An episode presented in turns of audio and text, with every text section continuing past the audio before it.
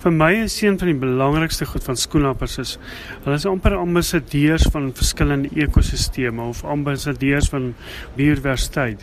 Mense het byvoorbeeld die Tafelberg prag daar in Kaapstad vanaf Kaapstad tot in die ooste van Zimbabwe wat die enigste bestuiver is van die rooi disa. So byvoorbeeld die stommers gaan nou hulle embleem verloor as daai skoenlapper nie meer daar is nie.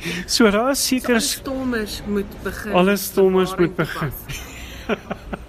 Alles so goed.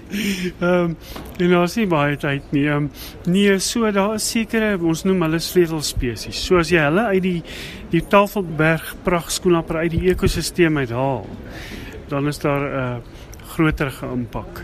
Jy weet, van hulle so gespesialiseer dat as mens hulle uit die ekosisteme haal, dan sien jy nie dadelik agterkom daar's 'n verskil nie. Dis amper soos die pop rivets uit 'n vliegtuig se vlerk uit.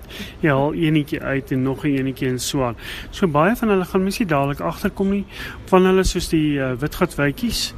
Ek dink in in terme van bestuiving speel hulle 'n ongelooflike belangrike rol.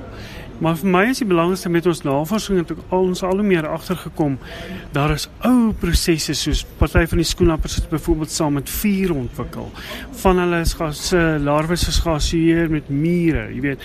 So oor miljoene jare heen het daar hierdie wonderlike lewende skilderye ontstaan. Jy weet en as mens omgee vir 'n Picasso en ons moet dan moet mens ook omgee vir 'n lewende skildery wat miljoene jare gevat het om geteken te word, ja.